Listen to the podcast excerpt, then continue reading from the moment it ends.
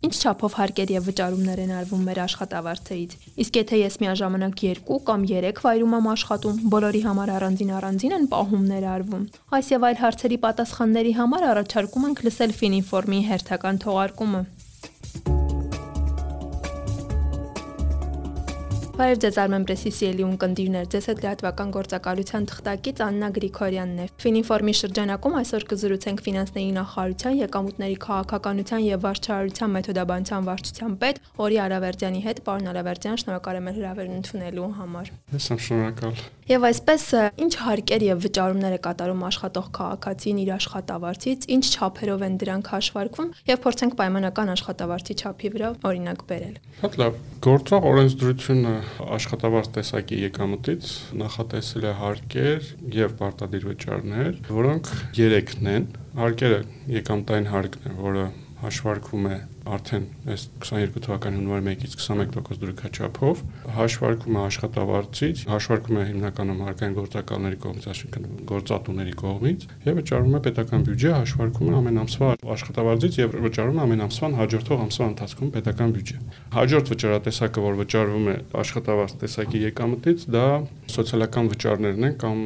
ավելի հայտնի կൂട്ടակային վճարներ կոչեցյալը։ Սրանք վճարվում են այն քաղաքացիների կողմից կամ այն քաղաքացիների աշխատավարձներից, որոնք պարտադիր կൂട്ടակայինի բաղադրիչի մասնակից են, պարտադիր մասնակից են եւ դրանք այն քաղաքացիներն են, որոնք 74 թվականի հունվարի 1-ից ծնվածներն են եւ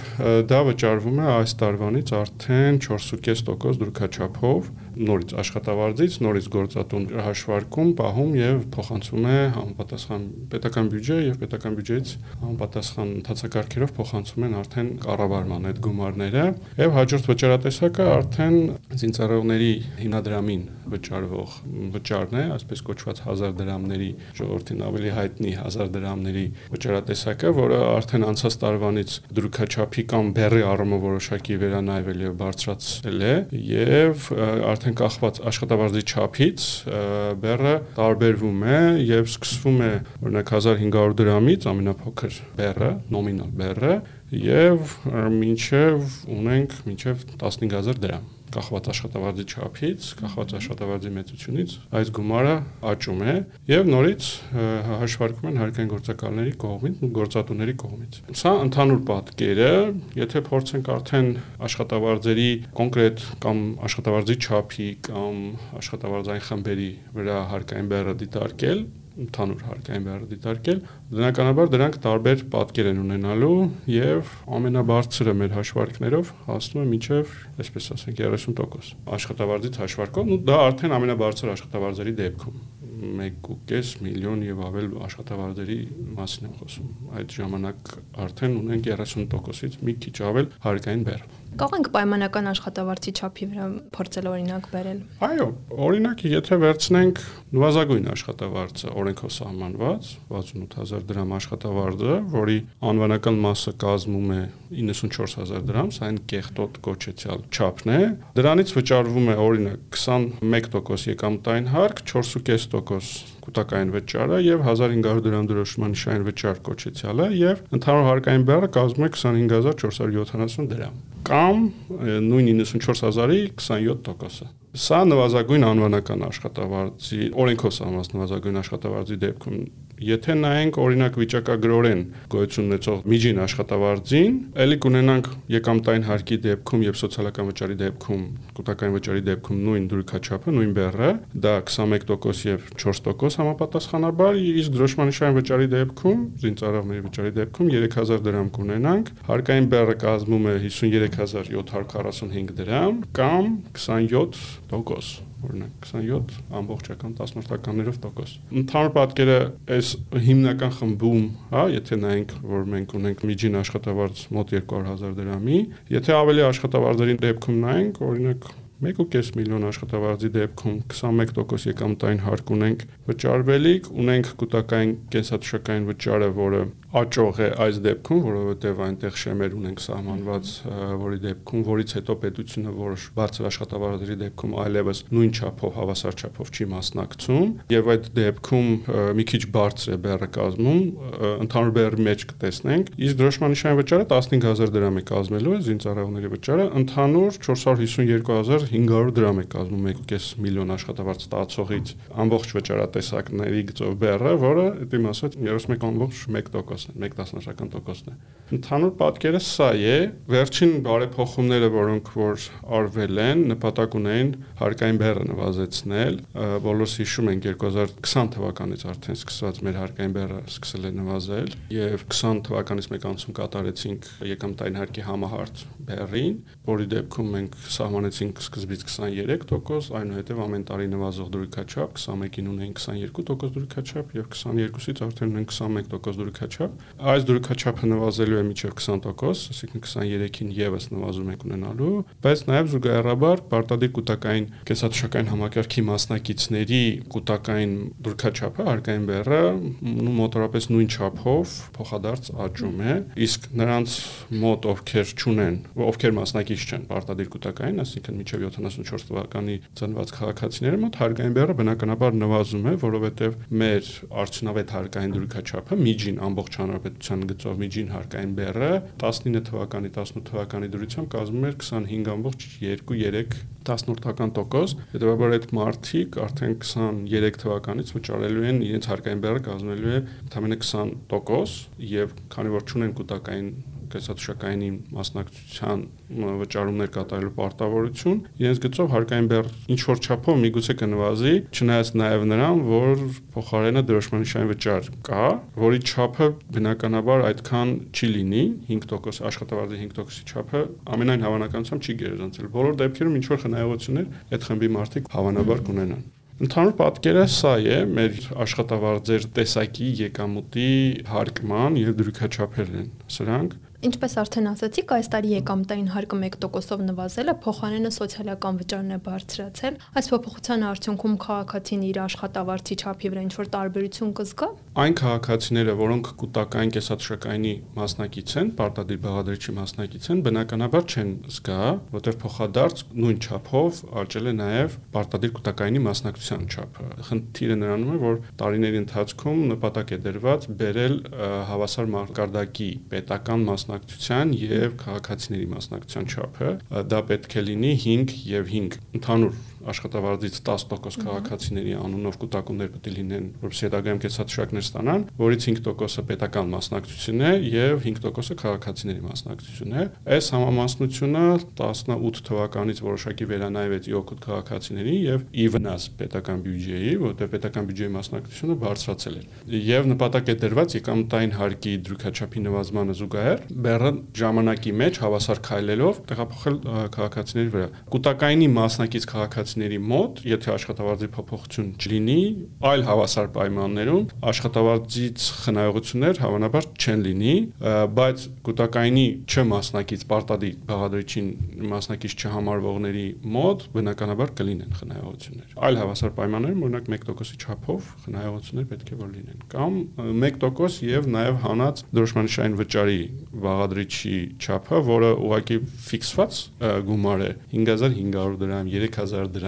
կախված աշխատավարձի մեծությունից եւ դրա կշիռը չափել այդ 1%-ի մեջ հասկանալ թե ինքը ինչքան խնայողություն կունենա իր աշխատավարձի մեջ հարաբերական թվով, ու դժվար է, որտեղ աշխատավարձի չափը պետք է հասկանալ։ Եթե գործատուն չի գրանցում աշխատողին, բնականաբար դա կարող է որոշակի խնդիրներ առաջացնել, բացի նրանից, որ սա խախտում է եւ կարող է տնտեսությանը վրացել, աշխատող քաղաքացու համար հետագայում ինչ խնդիրներ կարող է առաջացնել։ Տեսեք, սա շատ կարևոր հարց է, կարևոր այն առումով, որ քաղաքացիները հետագայում չգրանցված աշխատելու պայմաններում կենսաթոշակային տարիքի ժամանակ կարող են ունենալ խնդիրներ, որովհետև կենսաթոշակային տարիքը ստաժ կոչեցյալը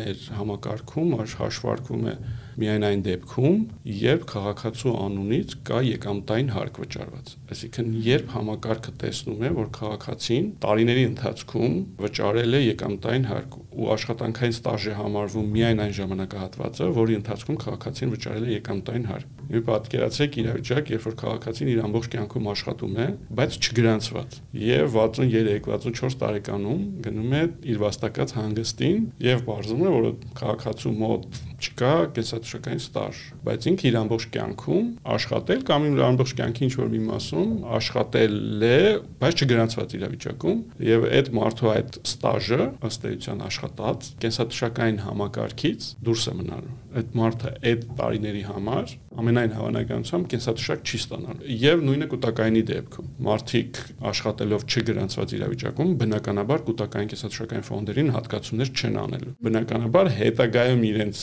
այդ ֆոնդերից ստացվող իրենց գումարները, որոնք պետք է տարիների ընթացքում կառավարվեն, աճեն, կառավարիչների կողմից ներդրումներով հարցունքում աճեն, որպեսզի քաղաքացիներ կարողանան իրենց վաստակած կենսաթոշակը վայելել, ինչ որ մի պահի բնականաբար պարզվելու է, որ քաղաքացիների կൂട്ടակածը այն այնքան չէ, որը բավարարի կամ իրենց ցանկացածը չի լինելու, որը բավարարի իրենց կենսաթշակի կամ իրենց երազած կենսաթշակին կամ կենսամակարդակում ապրելու համար։ Այսպիսի խնդիրներ կան, դա ամենամեծ ռիսկն է չգրանցված վիճակում աշխատելու համար, եւ քաղաքացիները պետք է սրա հետ նախ գիտակցեն եւ հետո հաշվի նստեն, որովհետեւ հետագայում էլ ժամանակը հետ տալ հնարավոր չի։ Այո, որտեղ դա իրականում բացառված իրավիճակ։ Կստացվի որ հա կհավատան քաղաքացուն, որ քաղաքացին իր ամբողջ կյանքում աշխատել է կամ իր ամբողջ կյանքի 10 տարվա ընթացքում օրինակ աշխատել է չգրանցված, քաղաքացին կասի, որ ես աշխատել եմ 10 տարի չգրանցված վիճակում, կհավատան նրան, բայց համակարգը իրեն կൂട്ടակայինի կամ առհասարակ կենսաթշակի մասնակցության չափ, ստաժի չափի մեջ հաշվարկ չի անելու, դա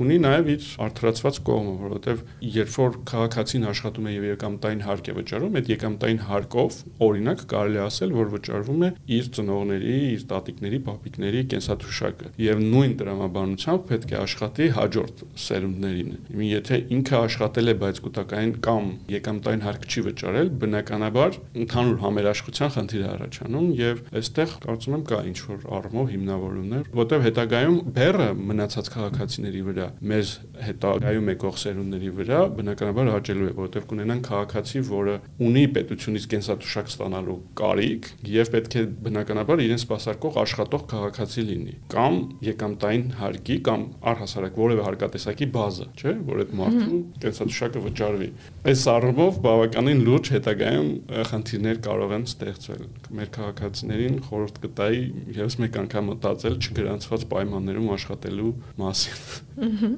Իսկ բացի սրանից ուրիշ ինչ խնդիրներ կարող են առաջանալ։ Դե տեսեք, քաղաքացի Քաղաքացին երբ որ լինելով օրինակ վարձու աշխատող չի գրանցվում նրանով եկամտային հարկեր չեն վճարվում, օրինակ ինքը խնդիրներ կունենա արցակուրտային գումարների հետ կապված, որովհետև հարց կառաջանա թե ինքը ինչպես պետք է գնա արցակուրտի եւ ինչպես արցակուրտային գումար ստանա, երբ որ ինքը գրանցված աշխատող չէ։ Ինքը խնդիրներ կունենա բժշկական առումներով, այն առումով, որ եթե քաղաքացին ունենում են խնդիրներ բժշկական, պետական, այսպես կոչված այդ բյուլետենների համակարգն աշխատում է։ Այդ իր եկամտային հարկի հաշվին իրեն փոխհատուցվում է ինչ որ չափով, ու օրենքով սահմանված կարգով ու չափով, այդ քաղաքացին եթե գրանցված աշխատող չէ, եկամտային հարկեր չեն վճարել, բնականաբար այդ քաղաքացին այդ հնարավորությունից էլ ամենայն հավանականությամբ զրկված լինելու։ Ու սա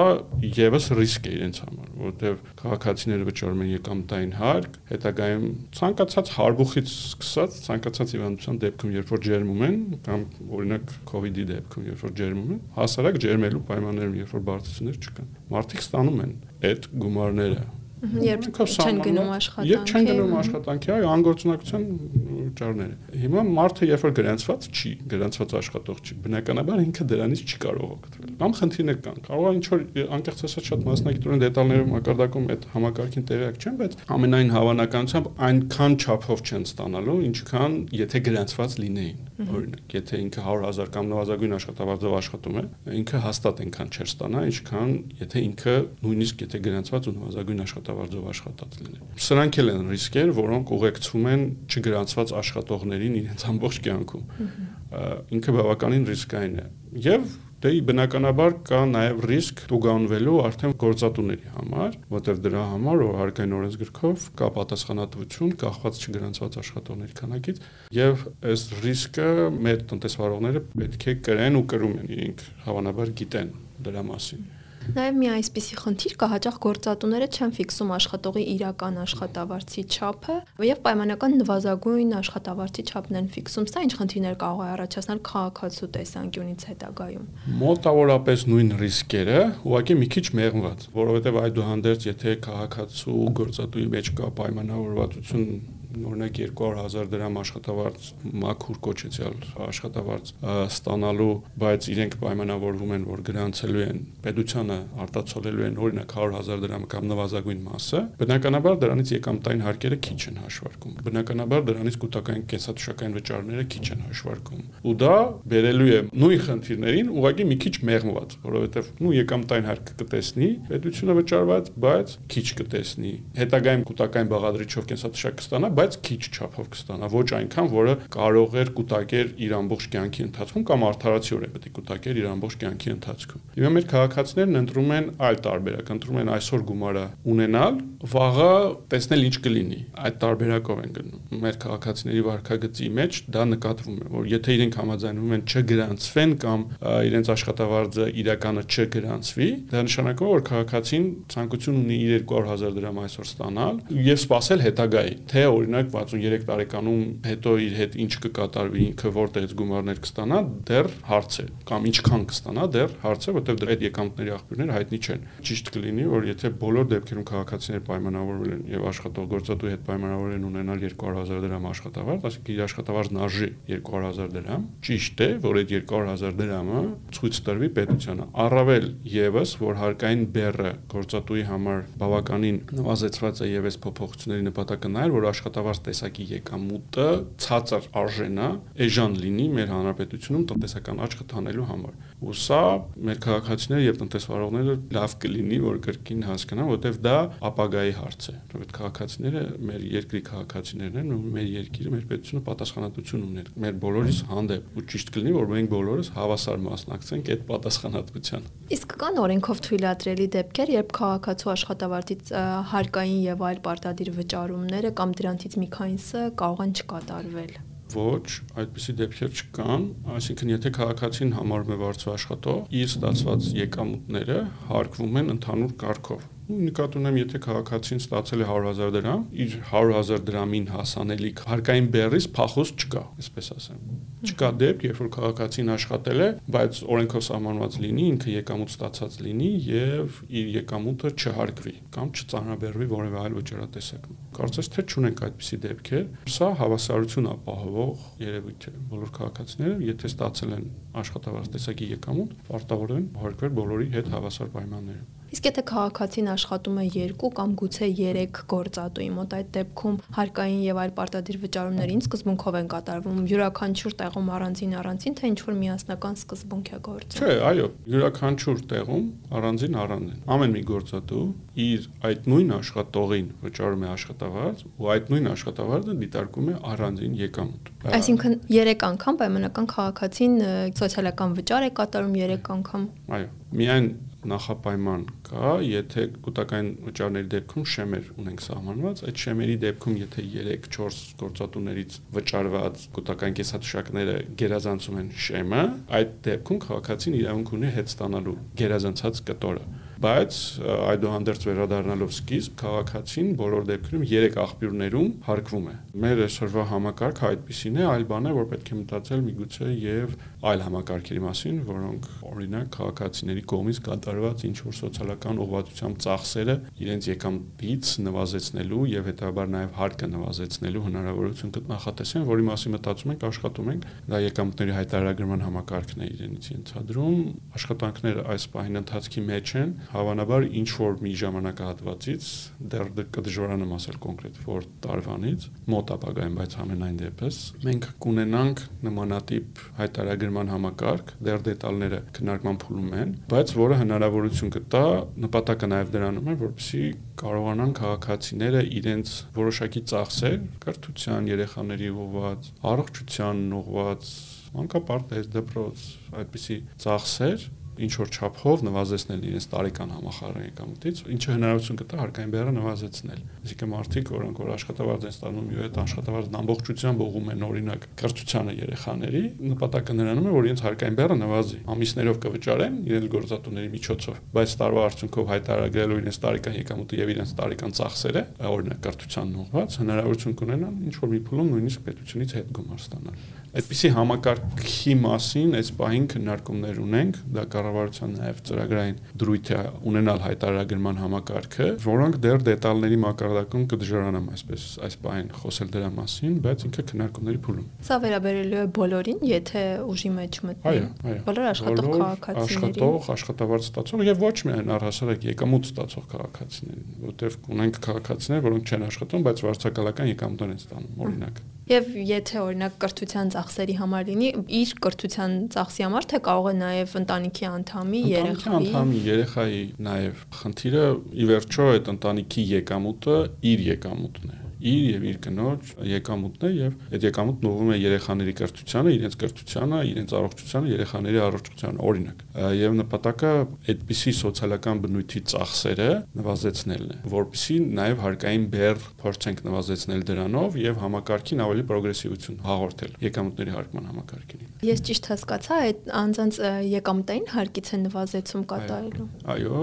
կൂട്ടակային կեցաթուշակային վճարը եւ դրոշմանշային վճարները այս համակարգին չեն մասնակցի դեռ խոսքը այնտեղ հարկային բեռը նվազեցնելու մասին է կուտակայինը կուտակում է իմ անունով աշխատողի անունով որը հետագայում կեսաթշակի տեսքով իրեն հետ է վերադարձվելու իսկ դրոշմանշային վճարը դա հատուկ հիմնադրամին ուղղող վճարատեսակ է որը նվազեցնելու անհրաժեշտությունը այդքան հիմնավորված չի այդ ծախսերով որտեղ այդ ծախսերը դրա հետ կապ չունեն Պարոն Ալավերդյան, որոնք են այն դեպքերը, երբ կուտակային կենսաթոշակայինի գումարները հետ են վերադարձվում քաղաքացուն ինչ չափերից հետո։ Օրենքով սահմանված շեմ գոյություն ունի, որից հետո կուտակային կենսաթոշակ ուղղակի չի հաշվարկվում աշխատավարձի շեմի մասին է խոսում, այս պահին միլիոն 20000 կարծես, եւ այս պայմաններում, եթե քաղաքացին ունի տարբեր օրինակ աղբյուրներից ստացված ամսական եկամուտ, որը գերազանցում է 1.20 դրամը, բայց քանի որ տարբեր աղբյուրները վճարելուց ամեն մի աղբյուրում է 1.20 գերազանցած չի եղել, օրինակ մարդն աշխատում է 3 տեղ, ամեն մեկից ստանում է 400.000 դրամ աշխատավարձ։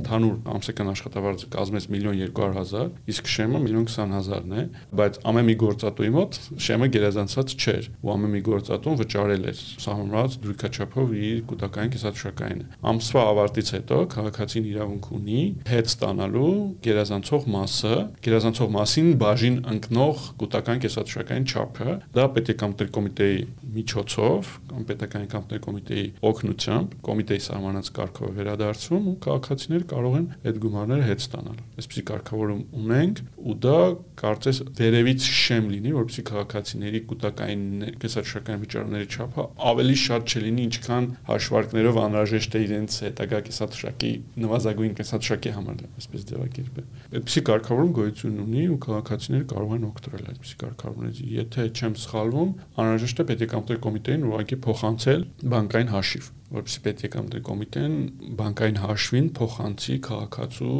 ավել վճարված կൂട്ടական կեսաթշակային վճարումները Կան նաև կեսդրույքով աշխատող քաղաքացիներ։ Նրանց դեպքում այդ հարկային եւ պարտադիր այլ վճարումներն ինչպես են հաշվարկվում։ Նորից նույն սկզբունքով։ Նույն սկզբունքով, այո, կեսդրույք աշխատող քաղաքացու եկամուտը բնականաբար կես չափով է։ Մյուս գործընկերոջ հետ, որը մեկ դրույքով է աշխատում իր հարկվող եկամուտը, իր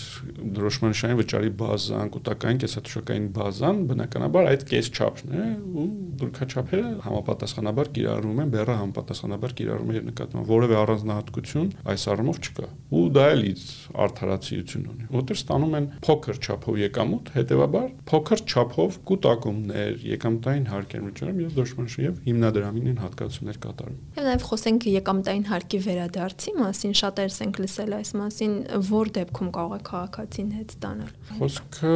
ընդհանրում հիպոթեկային վարկերի կառուցապատողներից ձեռք բերված բնակարանների գծով եկամտային հարկի վերադարձին է վերաբերում, թե որ դեպքում դեպքերը հետեւյալն են, երբ որ քաղաքացիները բնակարան են ձեռք բերում կառուցապատողներից եւ այդ բնակարանի համար ստանում են հիպոթեկային վարկեր, կամ անատական բնակելի տուն են անձամբ կառուցում եւ այդ կառուցման համար եւս ձեռք են բերում հիպոթեկային վարկեր։ Եկամտային հարկը վերադարձվում է իրենց վճարած տոկոսների չափով երամսյակային բարբերականությամբ եւ վճարման համակարգը արդեն ավտոմատ է աշխատում, վճարվում է, ինչպես ասեցի, երամսյակային համամասնությամբ եւ այս տարվանից արդեն հուլիսի 1-ից կունենանք արդեն գոտիականության հետ կապված համանախապակումներ։ Առաջին գոտում բնակարաններ ձեռք բերելու մասով Երևան քաղաքի համանախապակում կկիրառվի, այսինքն վերադարձի համակարգը չի կիրառվի այդ բնակարանների համար ստացած վարկերի համար, խոսքը հուլիսի 1-ից հետո ստացված վարկերի մասին է, որովհետեւ մեր քաղաքացիների մոտ տարընկալում չստեղծվի եւ ունենք որոշակի սահմանափակումներ օրենսգրքով, հարկային օրենսգրքով սահմանված, որը